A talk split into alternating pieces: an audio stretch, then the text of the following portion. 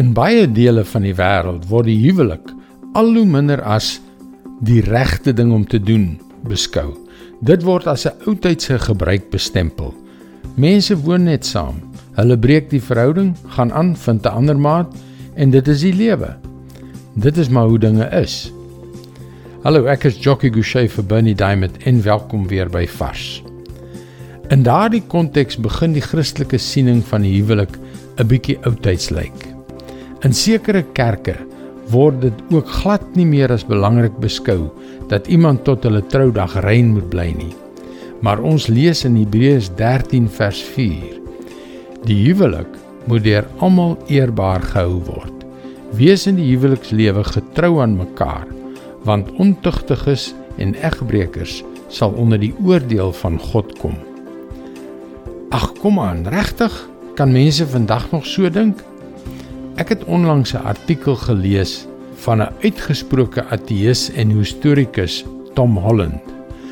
Terwyl hy antieke geskiedenis bestudeer het, het hy 'n baie interessante ontdekking gemaak. Die mense wat eeue gelede gelewe het, was baie wreed en hul waardes was heeltemal vreemd vir hom. Die Spartane het gereeld onvolmaakte kinders vermoor. Slawe se liggame is gebruik vir die mense met mag se fisiese plesier. Kindermoord was 'n algemene praktyk.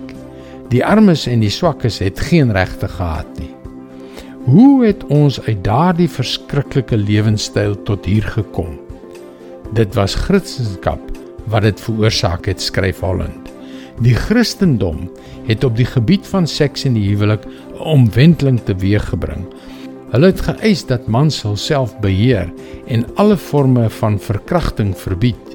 Die Christendom het seksualiteit binne monogamiese verhoudings beperk. Dit is ironies, merk Holland op, dat dit nou daardie einste standaarde is waarvoor daar deesdae met die Christene gespot word. Dis die Christendom wat vroue verhef het. Dit kom daarop neer dat Christendom die wêreld totaal verander het. Die verval van hierdie Christelike waardes waar die samelewing teen die helling van onsedelikheid afgly, dra verskriklike koste. Gebroke gesinne, vaderlose kinders en vernietigde lewens. Maar ons weet dat daar 'n afrekening sal plaasvind. Die huwelik moet deur almal geëer word. Dit is God se woord vars vir jou vandag. 'n Snaakse ding gebeur wanneer ons ons lewens leef deur God te eer.